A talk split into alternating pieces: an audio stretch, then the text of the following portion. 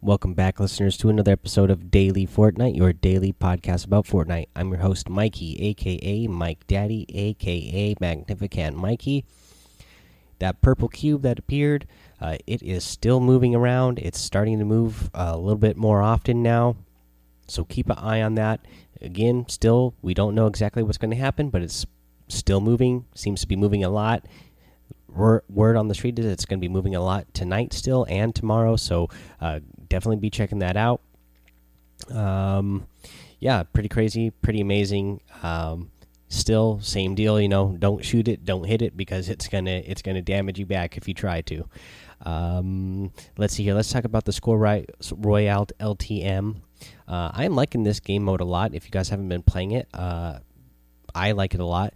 Uh, i don't like the gathering of the coins so much to earn the points. Uh, that's not something that I like about it. What I like about it is that you know you're getting points for the, searching the ammo boxes, chests, llamas, uh, etc. And so everybody is on the move. And I guess the coins kind of keep everybody on the move, uh, you know, on the outside as well. But um, it's more about those ammo boxes, chests, and llamas and things that are uh, right there in the map inside of buildings when when you first drop in that everybody's trying to rush to get to. So there is a lot of movement in the game, which I really like because you know everybody's trying to get the points really fast. So everybody's constantly moving, nobody's camping, um, the, which causes you to play more aggressive and other players to play more aggressive because you're going to encounter other play players more often. So that's what I really like about this uh, game mode. I mean, there was a match that I played yesterday, I believe, that uh, by the time before the first storm even started moving in, there was it was already down to around 20 people left in the match. So that just tells you how uh, how often you're encountering players trying to you know find chests and ammo boxes or find coins to collect. Uh, you know that normally doesn't happen, um, but that's that's why I like this. I would suggest everybody go playing this because this is a good, great way to go practice your, um, you know, gunfights. You're probably going to get pinched a lot when you're playing this. Get you some practice playing. Uh, you know how to, um, you know, act when you start getting pinched, and uh, just causing you to be more aggressive as well, and really learning how to, you know, go at somebody and take the fight to somebody else so that you can get that chest or ammo box or whatever it is that you're trying to open before they do. Um, let's see, and and then you know if you do uh, actually want to try to win one of these matches, you know the best places to go are places that have a lot of uh, chests and ammo boxes, like Tilted Towers, Retail Row, um, Tombstone, places like that. Uh, let's see here. Uh, let's get to what's in the item shop today. Over in the item shop, we still have that Ravage skin, which I am loving. Uh, I love the back bling that it comes with too. Those uh, wings. Uh, we still get the Iron Beak harvesting tool. Let's see here. Uh, we have the intensity emote, which I am a big fan of. I I don't know if you guys went and checked this out yet, but it is a new emote and it is a really good one. We got the brawler skin, we get the munition skin, we get the half shell glider, you get the tactical spade harvesting tool, and the finger wag emote. I like that finger wag emote. I think I've mentioned before I have that one because it reminds me of Dikembe Mutombo, and I'm a big basketball fan. Uh, I like the half shell glider too because you know it's turtle and the half shell reminds me of Teenage Mutant Ninja Turtles, and I am a huge Teenage Mutant Ninja Turtle nerd uh, from the time you know I was a little kid. Uh, so I like that one. Let's see here. Uh, let's get to a tip of the day, and my tip of the day is to not get in a jumping shotgun fight. Um, again, this is just you know Fortnite. It's a game where you uh, you need to build. Uh, so when you're out in the open, I see a lot of people you know, going back and forth with shotguns still.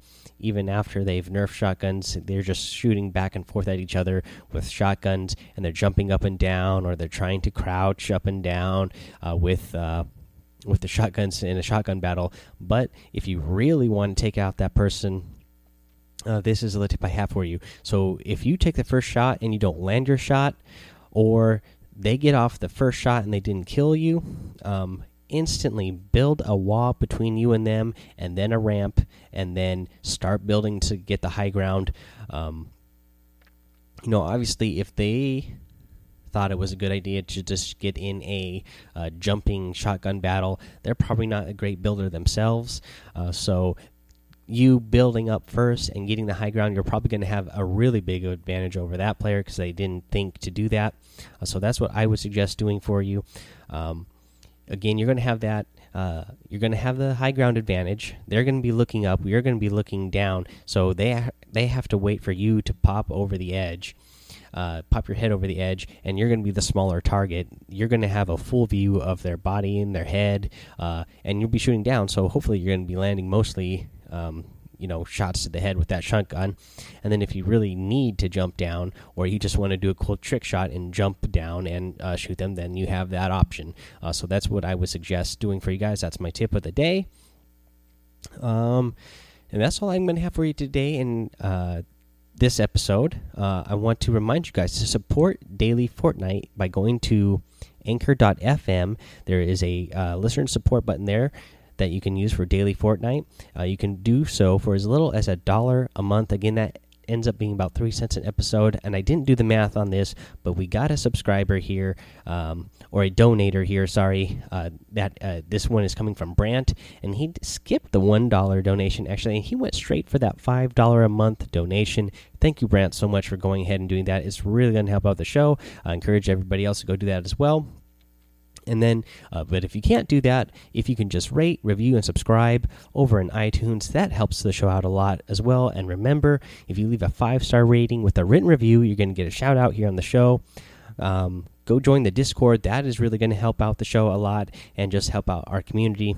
Um, We've had a couple more people join in the last couple of days, and I added uh, yesterday and today. I've been messing around with uh, different sort of bots and chat bots. Uh, so I've added a couple of bots in the channel to make the user experience even more fun. I added a patch note bot in there, so not only you're you going to hear me read out the the patch notes whenever they come out here, uh, but if you actually want to go read them, you'll be easily you'll already be part of this community and you'll be able to find the patch notes just in the discord itself. Um, again there's a place for you to uh, post all your sort of videos that you want in the uh, creators creations and brag section. And just you know it's a general talk and hangout spot and all you know just a lot of good people joining the community. So come and join us. Uh, again uh, i'm also over on twitch. Go ahead come follow me over on twitch I've been doing the same thing over on Twitch the last couple of days, just really setting up, uh, you know, my panels on there, uh, my badges on there, different emotes on there for people who subscribe. Uh, so go check that out as well. Um, so I and then here one last thing before I uh, check out. I got one little thing again. Uh, I'm going to relate this back to the show, but this is about the Fantasy Football League. I want to do a 12 team league. We're just a couple slots left away from hitting the 12 uh, man league. I could do I could go ahead and do a 10 man if not we don't see any more interest, but I would really like to do 12. So a couple spots left. So if you want to do that, get that email in the show notes of this um, of this episode or any of the past episodes and email me and let me know that you want to join. Uh, so it's just going to be first come first serve for those last couple of spots. Um, probably me doing the draft next week right before the season starts. Uh, so let you only have a limited time left uh, to let me know that you want to get in on that. And remember um, I'm putting up if you win, you're going to have a chance to be a guest on the daily on the daily Fortnite. If you go ahead and win the league, or you know, if I end up winning the league, I'm already a host on here. So if you come in second place, you're gonna get you're gonna be able to uh, be a guest here on daily Fortnite. So let me know if you are interested in that. Alrighty, guys, uh, I'll be back again tomorrow. Until then, have fun, be safe, and don't get lost in the storm.